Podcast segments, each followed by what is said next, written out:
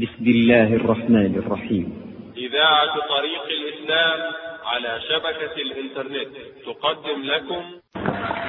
إن الحمد لله تعالى نحمده ونستعين به ونستغفره ونعوذ بالله تعالى من شرور أنفسنا وسيئات أعمالنا. من يهد الله تعالى فلا مضل له ومن يضلل فلا هادي له. وأشهد أن لا إله إلا الله وحده لا شريك له وأشهد أن محمدا عبده ورسوله. يا أيها الذين آمنوا اتقوا الله حق تقاته ولا تموتن إلا وأنتم مسلمون. يا أيها الناس اتقوا ربكم الذي خلقكم من نفس واحدة وخلق منها زوجها وبث منهما رجالا كثيرا ونساء. واتقوا الله الذي تساءلون به والأرحام. إن الله كان عليكم رقيبا. يا أيها الذين آمنوا اتقوا الله وقولوا قولا سديدا. يصلح لكم أعمالكم ويغفر لكم ذنوبكم. ومن يطع الله ورسوله فقد فاز فوزا عظيما. أما بعد فإن أصدق الحديث كتاب الله تعالى وأحسن الهدي هدي محمد صلى الله عليه وآله وسلم وشر الأمور محدثاتها وكل محدثة بدعة وكل بدعة ضلالة. وكل ضلالة في النار. قال الله عز وجل يا أيها الذين آمنوا من يرتد منكم عن دينه فسوف يأتي الله بقوم يحبهم ويحبونه. أذلة على المؤمنين أعزة على الكافرين. يجاهدون في سبيل الله ولا يخافون لومة لائم. ذلك فضل الله يؤتيه من يشاء والله واسع عليم. هذه الآية كما قلنا فيها ست صفات للمؤمنين. وهذه الست اندرجت تحت صفتين. أذلة على المؤمنين أعزة على الكافرين. الولاء والبراء. يحبهم ويحبونه هذا أصل الولاء. قال أذلة على المؤمنين وده أصل في ولاية المؤمن لأخيه. ولا يكون إلا عن حب.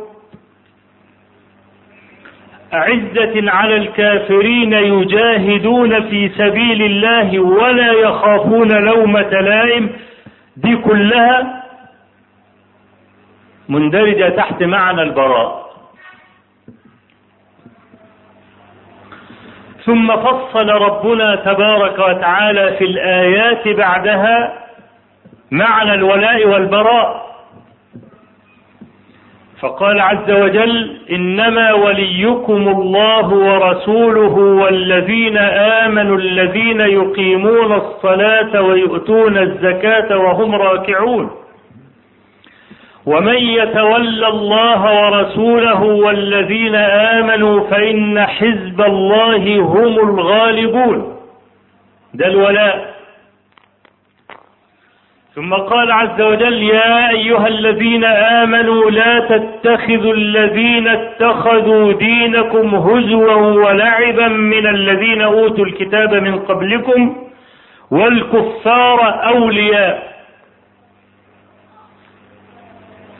هو ده البراء. واتقوا الله إن كنتم مؤمنين. هؤلاء الكافرون الذين اتخذوا ديننا هزوا ولعبا. كيف تتولاه؟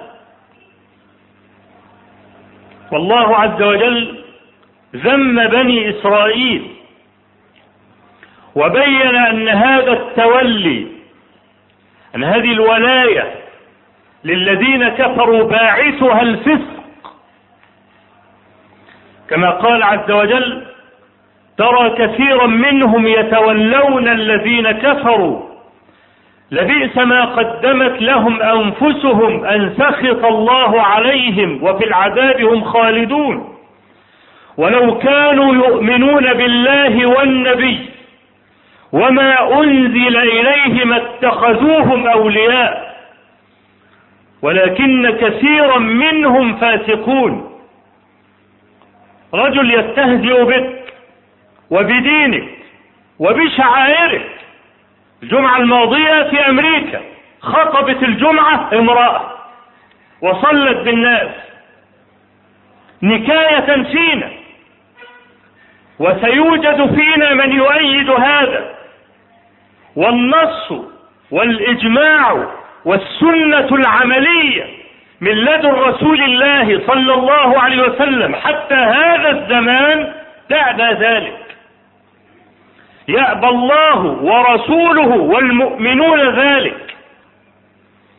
لكن سيوجد فينا من يؤيد ذلك.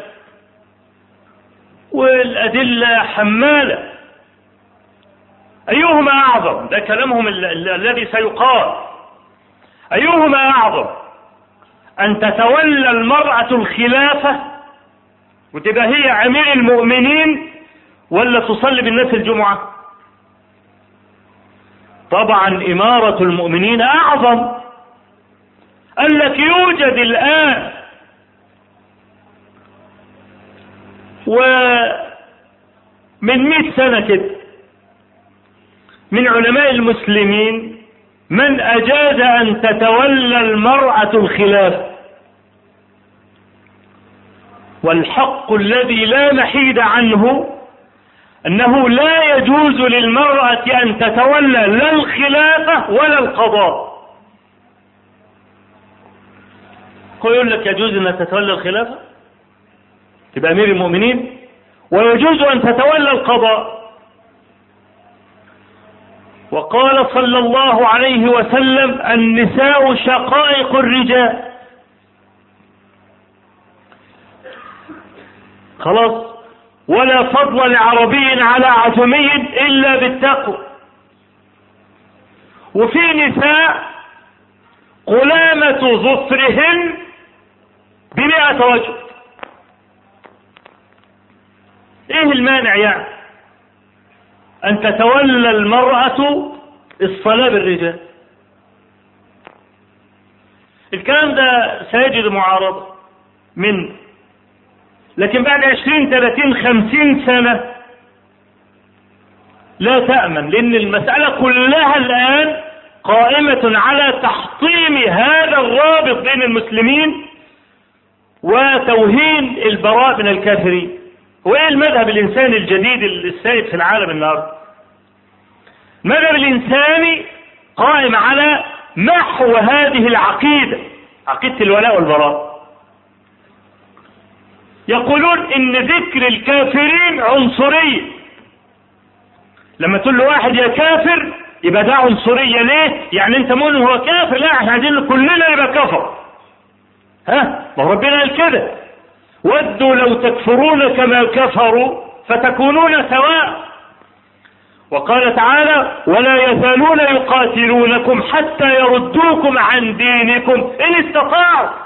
حرب القائمة في العالم الآن أساسها ولبها إن هو لا يجعلك مسلما. هو مش عايزك نصراني والرئيس الأمريكي لما بدأ يضرب أفغانستان قال نحن نقاتل تحت راية الصليب.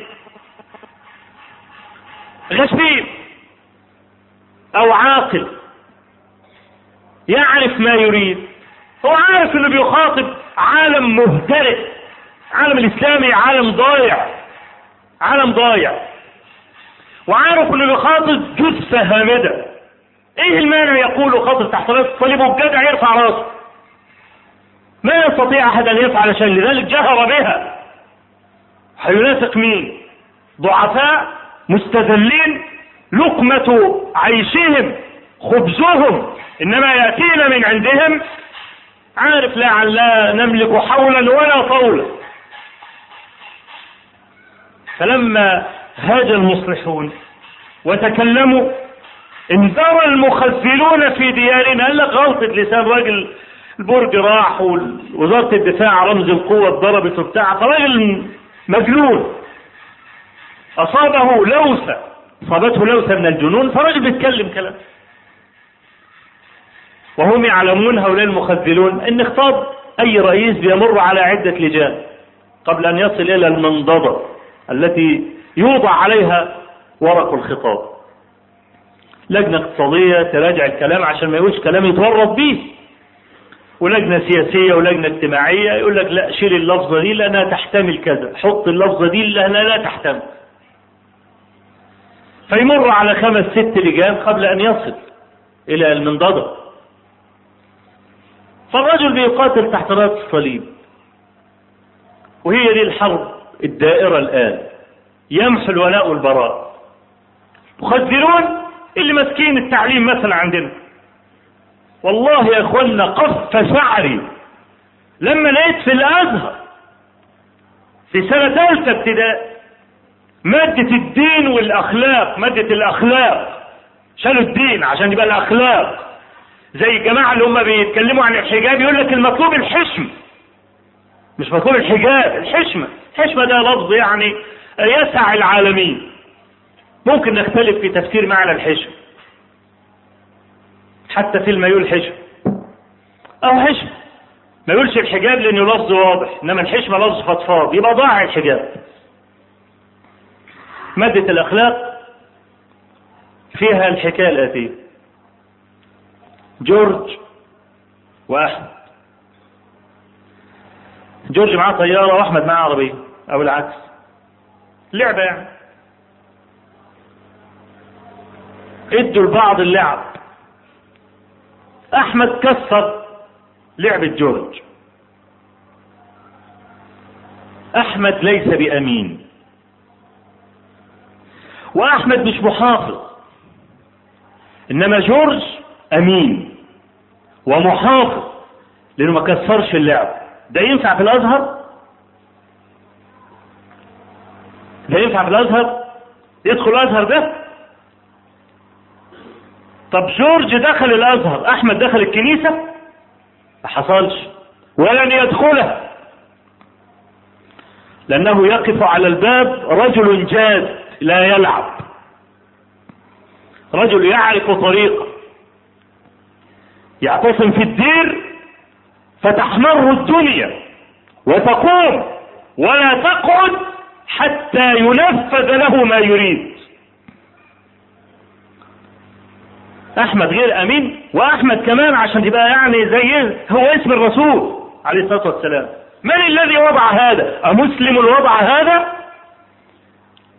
يوصف أحمد بانه غير أمين وجورج أمين وعندنا في الأزهر اللي هو المفترض اللي هو القائم باعباء الديانة. لتعرفوا ما آل إليه أمرنا وحالنا. عقيدة الولاء والبراء أصلا إنما اتكأت عقيدة التوحيد على هذا الأصل العظيم. عقيدة التوحيد وكلمة لا إله إلا الله لها شروط. لها العلم واليقين والتصديق والقبول والانقياد والإخلاص والمحبة أصول سبعة أخذها العلماء من النصوص. عقيدة الولاء في الأصل لا تكون إلا عن محبة. وهي حالة خاصة يقوم بها القلب.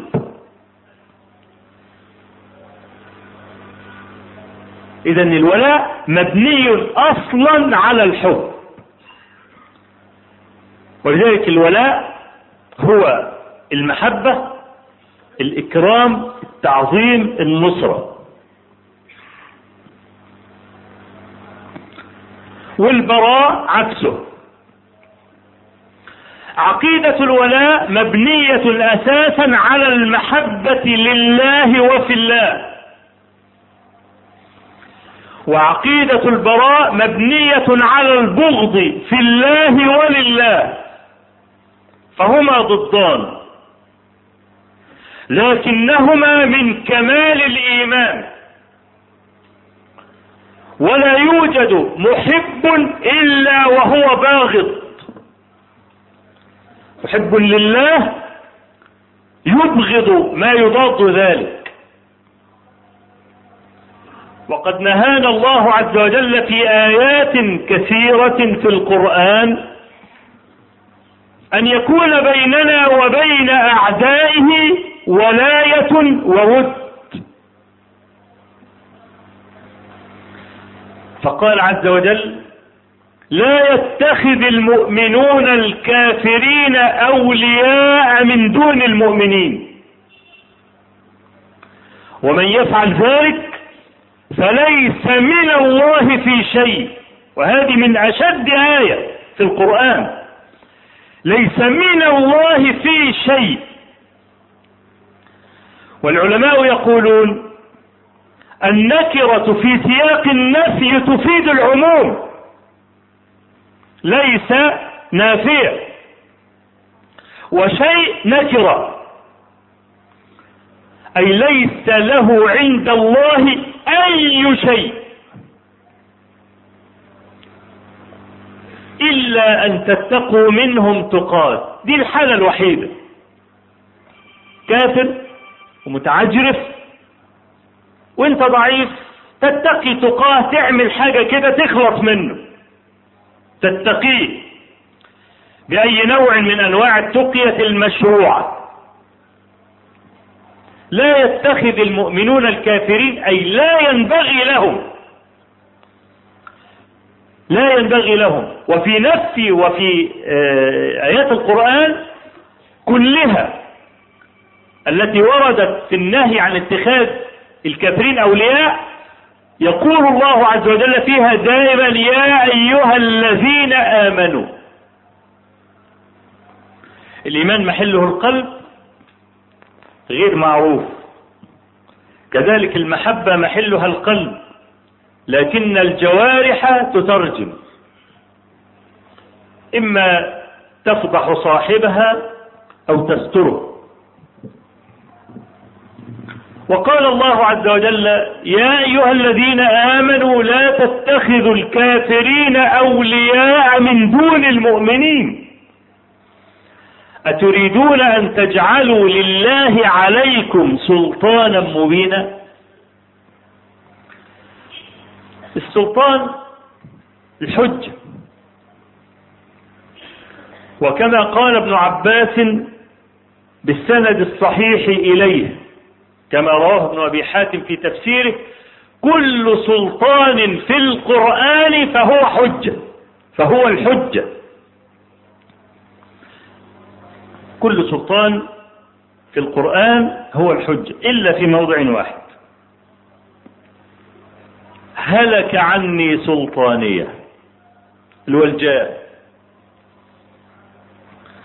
وهذه الآية تحتمل أيضا أن يكون السلطان بمعنى الحجة. هلك عني سلطانية أي زالت حجتي. لم يجد جوابا كما في حديث أبي هريرة الذي رواه مسلم أن النبي صلى الله عليه وسلم قال يؤتى برجل فيقول الله عز وجل له أي فل يعني يا فلان ألم أذرك ترعس وتربع؟ وأركبك الخيل والإبل وأزوجك النساء فأين شكرك؟ قال أي رب نسيت. قال فاليوم أنساك. هذا الرجل ليس له حج. أسئلة ليس لها جواب. ألم أذرك ترأس؟ جعلتك رأسا في قوم وتربع المرباع كان أهل الجاهلية إذا أغاروا على قوم وغنموا أموالهم أعطوا ربع ما غنموا لسيد الحي. يقري به الضيف ويقوم به على النوائب. يبقى رجل رأس وتجبى إليه الأموال كالجزية. وأركبك الخيل والإبل. لا يتحرك إلا في أبها. أمامه ناس وخلفه ناس. نفير من الأمام ونفير من الخلف. والناس كلها تنظر إليه. يعني رأس وعنده مال وعاش أبه وأزوجك النساء متعتك. أين شكرك؟ قال نسيت. قال فاليوم أنساك ليس له حجة هلك عني سلطانية زالت حجتي أمام هذه الأسئلة التي لا جواب لها. فكل سلطان في القرآن هو بمعنى الحج. أتريدون أن تجعلوا لله عليكم سلطانا مبينا؟ أي أنكم إذا فعلتم ذلك فقدتم حجتكم وسلطنا عليكم أعداءكم. هو ده السلطان برضه. خبزنا من عندهم. جواربنا.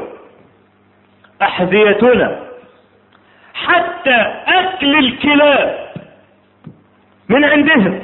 أيضا كل شيء من عندهم. رجل يحتاج إلى عدوه من إبرة الخياطة للصاروخ. ماذا عنده؟ ثم طوقونا لغفلتنا ونومنا وإهمالنا لتحذير الله لنا. فضلنا نلعب. لا جدية عندنا. لا في زراعة ولا في صناعة ولا في شيء. لحد ما طوقونا باتفاقية الجاد اللي هي هيعملوها سنة 2006 هتيجي تطبق 2006 طبعا بقالهم 10 15 سنة يفرضون ما يريدون وقد كان لهم. نوقع دنيانا بتمزيق ديننا. فلا ديننا يبقى ولا ما نرقعه. عشان ناكل عيش نمزق ديننا. قال لك اتفاقيات الجاد دي اتفاقية الجاد معناها آه ناخد من بعض. عندك سلعة أفتح اسواقي لك. وأنا عندي سلعة تفتح أسواقك لي. طب إحنا نجري في مضمار واحد؟ لما نحب نملأ الأسواق نجري في مضمار واحد؟ لا هم سبقونا بكثير. المستورد عقدة. عندنا. ليه؟ لأنه نظيف جاد جيد.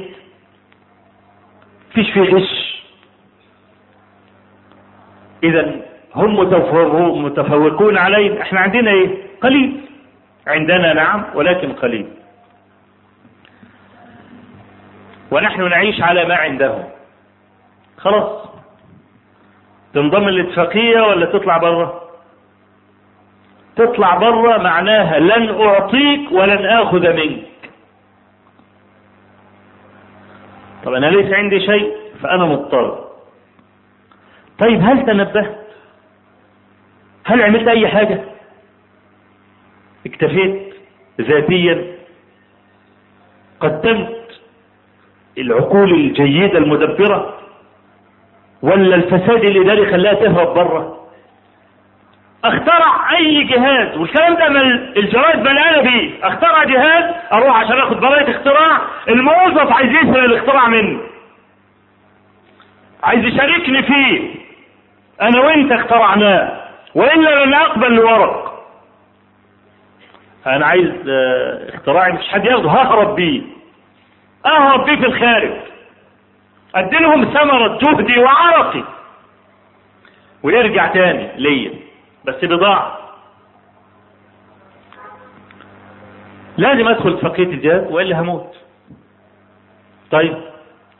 فقية الجهاد دي لها شروط.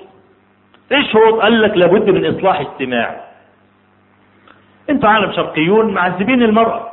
كتمنها لابسينها الحجاب والمرأة لازم تاخد حريتها وتشم هوا. الحاجة الثانية الختان والكلام اللي أنتوا بتعملوه ده اعتداء على المرأة والمفروض إن زي ما فيش حد يقطع لحد صباع مثلا إزاي تقطع حتة من جسمها بدون اختيار؟ ده اعتداء. ونحن لا نقبل هذا إحنا بتوع الديمقراطية والحرية. خلاص؟ موافق؟ بس أنت عارف الدين وش... آه والله أنت حر. إحنا رابطين دي بدي هترفض الإصلاح الاجتماعي؟ يبقى هتطلع من الاتفاقيه طب أنا هطلع من الاتفاقيه هموت. يبقى أصلح. هو ده اللي حصل. طيب التعليم. اللي عمال يفرخ لي ناس إرهابيين وناس عمالين يتكلموا لي يقول لي ولاء وبراء والكلام ده. لازم تتغير المناهج. عشان يبقى الكل سواسية. ده إحنا أبناء وطن واحد. ما يبقاش واحد بيكفر واحد والكلام ده لأن أنا بكفره يعني متربص. والتربص ده ما ينفعش. إحنا عايزين مجتمع محبة مفيش فيه أضغان ولا أحقاد ولا الكلام ده. يبقى نقي المناهج بتاعتك. شيل بقى الآيات اللي كانت تتكلم عن اليهود والنصارى والكلام ده إلغيها خالص. وهات بس الآيات اللي بتتكلم عن الترغيب والترهيب والجنة والنار والكلام ده. بس. ألم يحدث كل هذا؟ حدث. عقيدة الولاء والبراء أصل التوحيد. قال الله عز وجل فمن يكفر بالطاغوت ويؤمن بالله فقد استمسك بالعروة الوثقى لا انفصام لها. فقدم الكفر بالطاغوت على الإيمان بالله. لأنه لا يستقيم إيمان إلا بعد كفر. وهو أن تكفر أولا ثم تؤمن. ونضرب لذلك مثلا. لو افترضنا أن إناء في قعره طين فصببت فيه ماء رقراقا صافيا. ما الذي يجرى يتعكر كل الماء. فلأجل أن يكون الماء صافيا ويظل صافيا نظف المحل. هو ده معنى الكلام. تكفر بالطاغوت تخرج من قلبك ما دون الله. وكل ما عبد من دون الله فهو طاغوت. فإذا آمنت بالله لم يحصل في قلبك مزاحمة.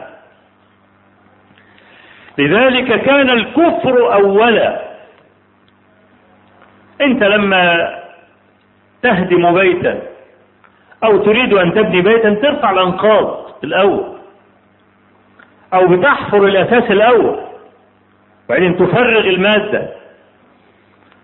فالله عز وجل يقول فمن يكفر بالطاغوت ويؤمن بالله فقد استمسك بالعروة الوثقى.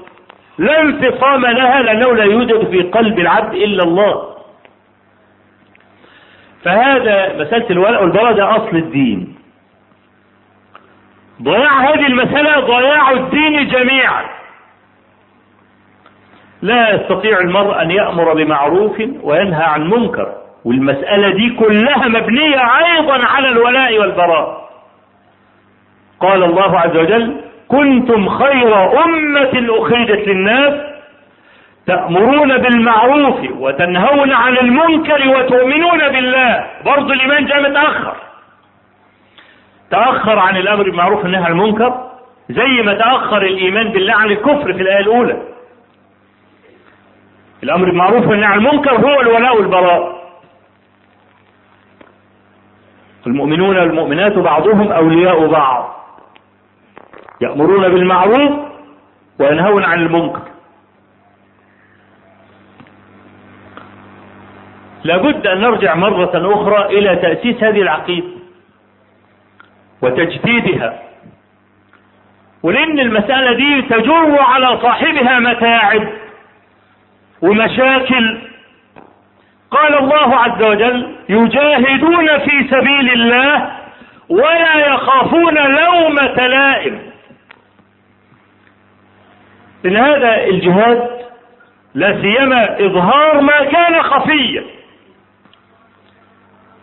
هذا تعرض المرء فيه للملام.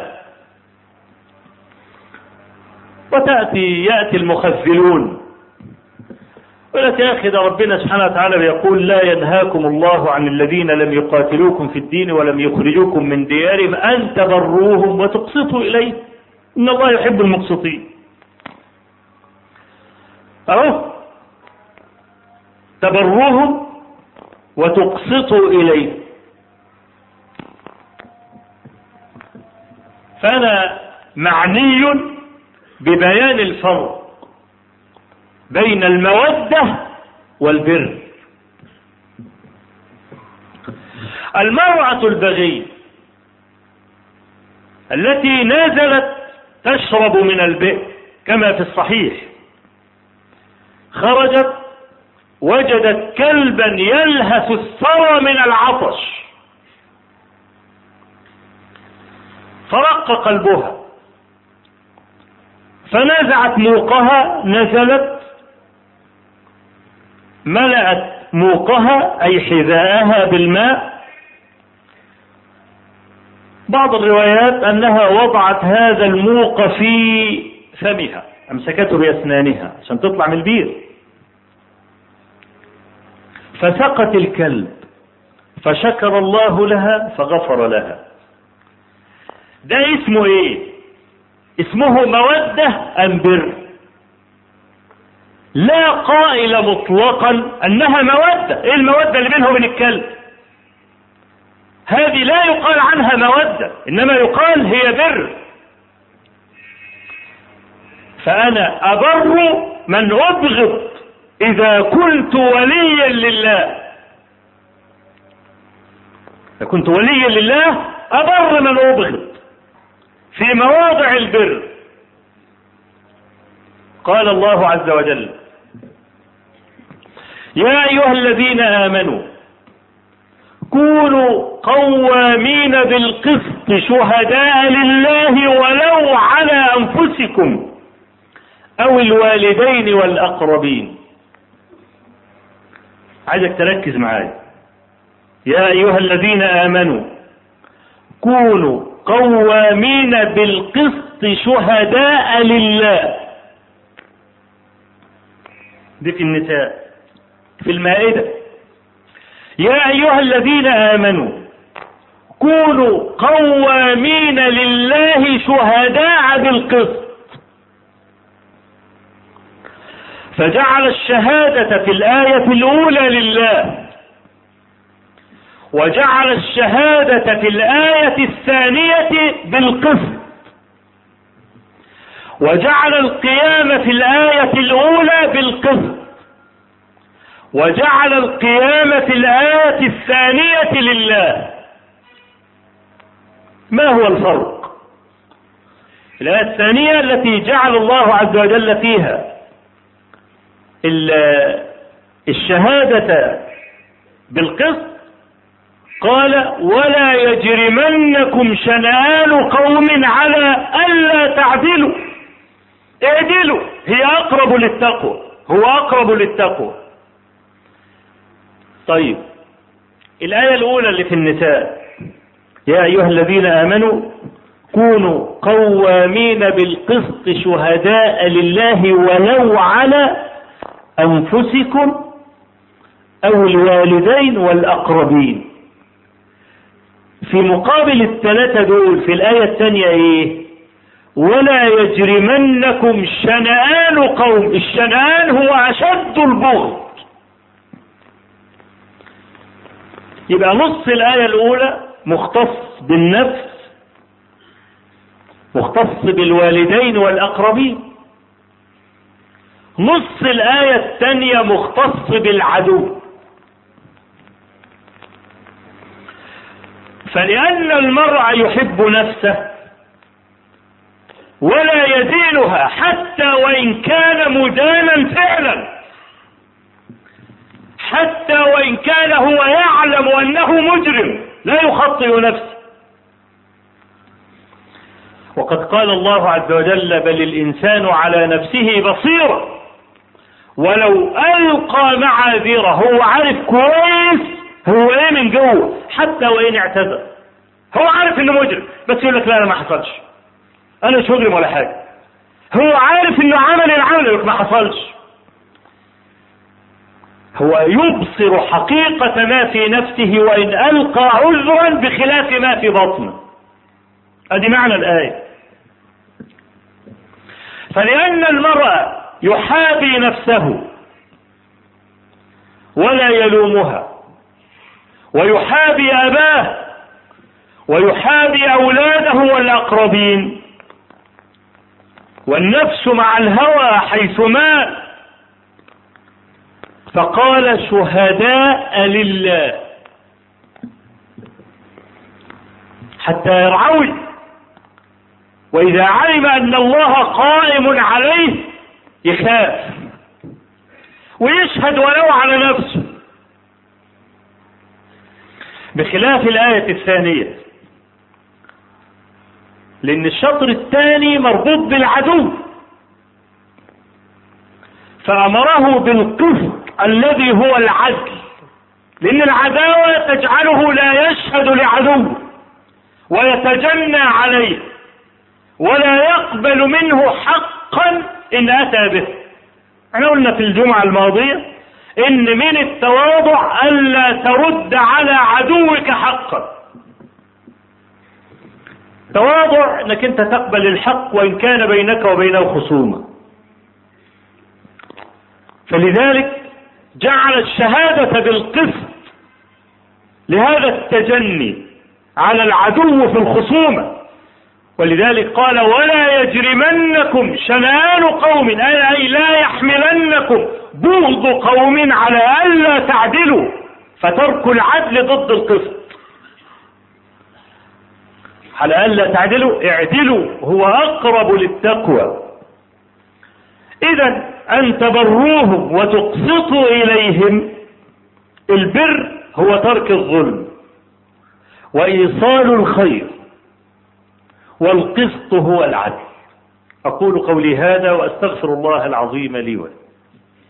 الحمد لله رب العالمين له الحمد الحسن والثناء الجميل وأشهد أن لا إله إلا الله وحده لا شريك له يقول الحق وهو يهدي السبيل وأشهد أن محمدا عبده ورسوله صلى الله عليه وعلى آله وصحبه وسلم.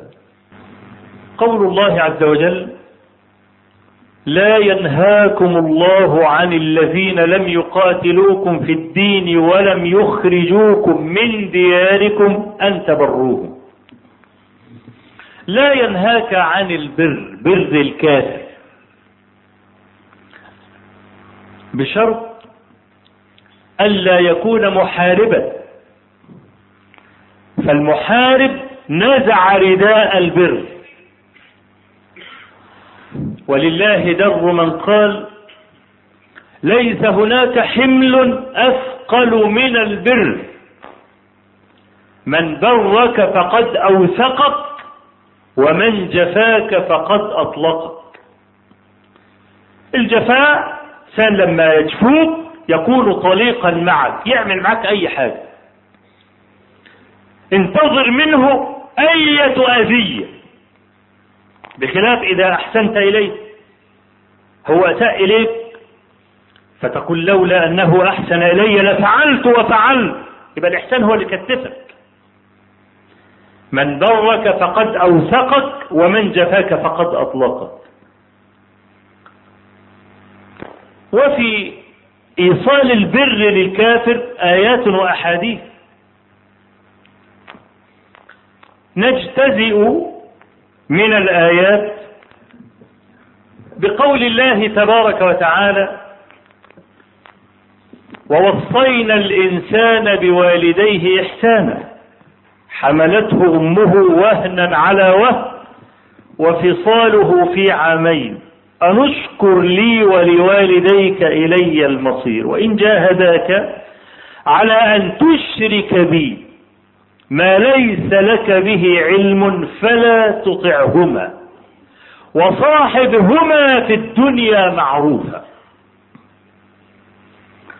وإن جاهداك المجاهدة مفاعلة ولا تكون إلا بين طرفين. كلاهما يجاهد الآخر ويفاعله. إنسان له والد أو له والدة. الوالد أو الوالدة كافر أو كافرة. كل ما يدخل الولد مش عايز تكفر بقى؟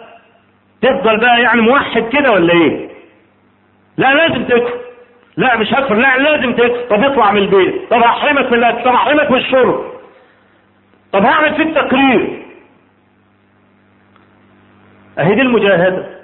أي لا يترك سبيلا إلى دعوتك إلى الكفر. أنا بقول الآية دي للجماعة اللي هم بيؤذوا آباءهم العصاة مش الكفرة. العصاة.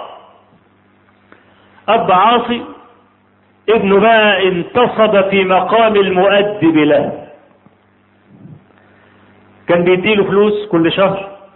يقول لك لا أنا قطعت ليه يا ابني؟ يقول لك اصله بيدخن وسيأخذ مالي يستعين به على الدخان. فأنا عايز أحرمه حتى لا أعينه على معصية الله.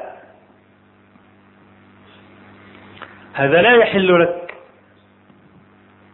نفقته واجبة عليك وإن كان لا أقول عاصيا وإن كان كافرا. يجب أن تنفق عليه.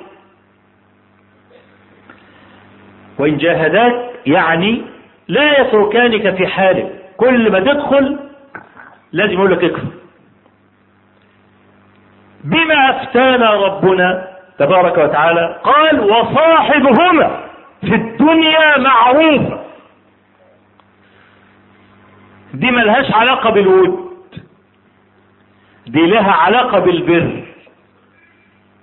لأن الكافر تواترت الأدلة قرآنا وسنة على وجوب بغضه والبغض ينافي الود لكنه لا ينافي البر.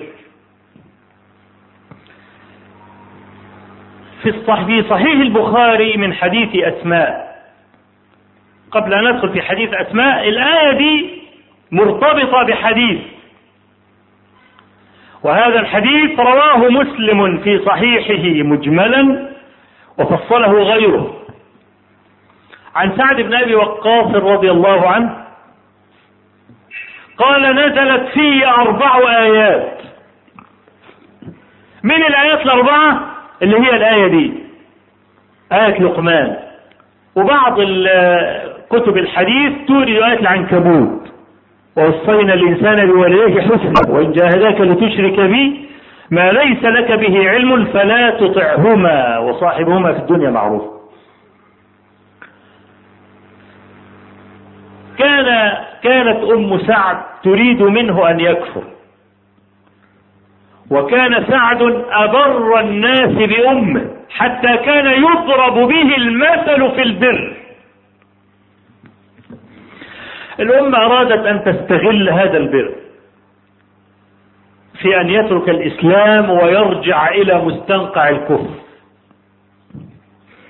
فقالت ألم تزعم أن دينك يأمرك ببر بصلة الأرحام وبر الآباء والأمهات؟ فوالله لا أطعم طعاما ولا أشرب شرابا حتى تكفر بدينك. في خارج مسلم قالت وتعير بي. فيقال يا قاتل أمه. شوف أبر الناس الذي كان يقال أبر من سعد. سيقال له يا قاتل أم. المسألة دي لا يتحملها بار. أن يوصف بالضد لا يتحملها بار مثل سعد. وظلت ثلاثة أيام لا تأكل ولا تشرب. وكان لها ابن يقال له عمارة.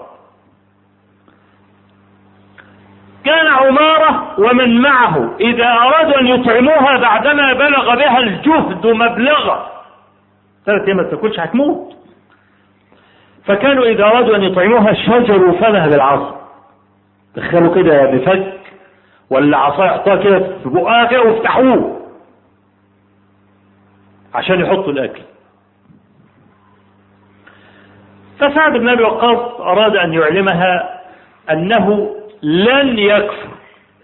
دخل عليه. الرواية دي كلها خارج صحيح مسلم.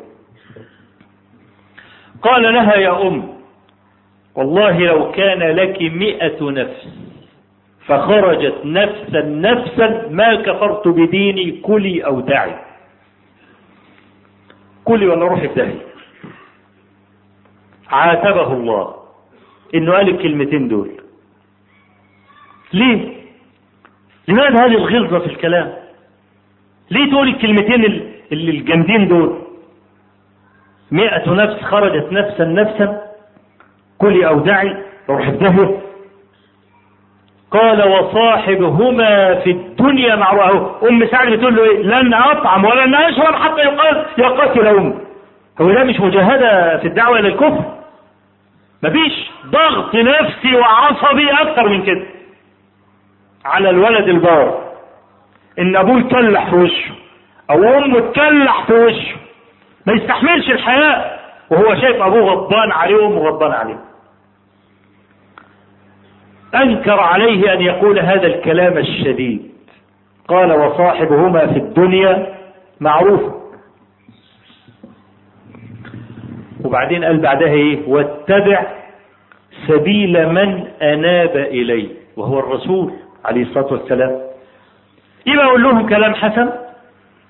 ولا تكفر واتبع سبيل من أناب اليه وهو الرسول صلى الله عليه وسلم ومن هو قائم في مقام الرسول من العلماء. يبقى ده بر وليس فيه مودة لأن سعد لما كان في قلبه مودة قبل أن يسلم لم يكن يفعل ذلك مع أمة. وما كان يطيق ابدا أن يراها ثلاثة أيام لا تطعم ويستقر قلبه في بدنه. لو في ود. لكن الآن ليس هناك ود. فرق الإسلام بينهما. وصار الود للإسلام وللمؤمنين. خرج الود وبقي البر. وفي صحيح البخاري من حديث أسماء بنت أبي بكر رضي الله عنهما. قال جاءتني أمي وكانت أمها كافرة لأن أم أسماء غير أم عائشة. أم عائشة رضي الله عن الجميع كانت مسلمة أم رومان. والبيت الذي أسلم كله الوالد والأولاد والأحفاد والنساء هو بيت أبي بكر رضي الله عنه. أسلم أبوه أبو قحافة في يوم الفتح. وجاء شيخا كبيرا لحيته كالسغامه كالسحابة البيضاء. فلما جيء به على كبره ليضع يده في يد النبي صلى الله عليه وسلم مبايعا بالإسلام قال النبي صلى الله عليه وسلم لأبي بكر لو أقررت الشيخ وأتيناه لكبر سنه في رواية لما وضع أبو قحافة يده في يد النبي صلى الله عليه وسلم بكى أبو بكر. فقال النبي صلى الله عليه وسلم ما يبكيك يا أبا بكر؟ قال يا رسول الله لوددت أن هذه اليد يد عمك وأن يكرمك الله بإسلامه أفضل من أبي.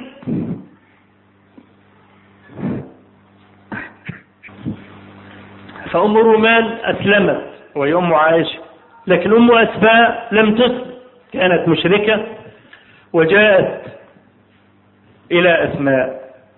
تريد مالا تريد نوالا تريد عطية. توقفت أسماء ولم تعطي أمها شيئا. قالت حتى أستفتي رسول الله صلى الله عليه وسلم. استفتت. قالت يا رسول الله إن أمي جاءتني وهي راغبة. راغبة تريد نوالا تريد عطية. أفأصلها؟ قال نعم. لو كان في قلبها مودة لأعطتها. لكن فرق الإسلام بينهما. فما بقي إلا البر. وفي الصحيحين من حديث ابن عمر رضي الله عنهما أن عمر بن الخطاب رضي الله عنه رأى حلة سيراء وإنما قيل لها سيراء لأن خطوط الحرير فيها سيورا سيور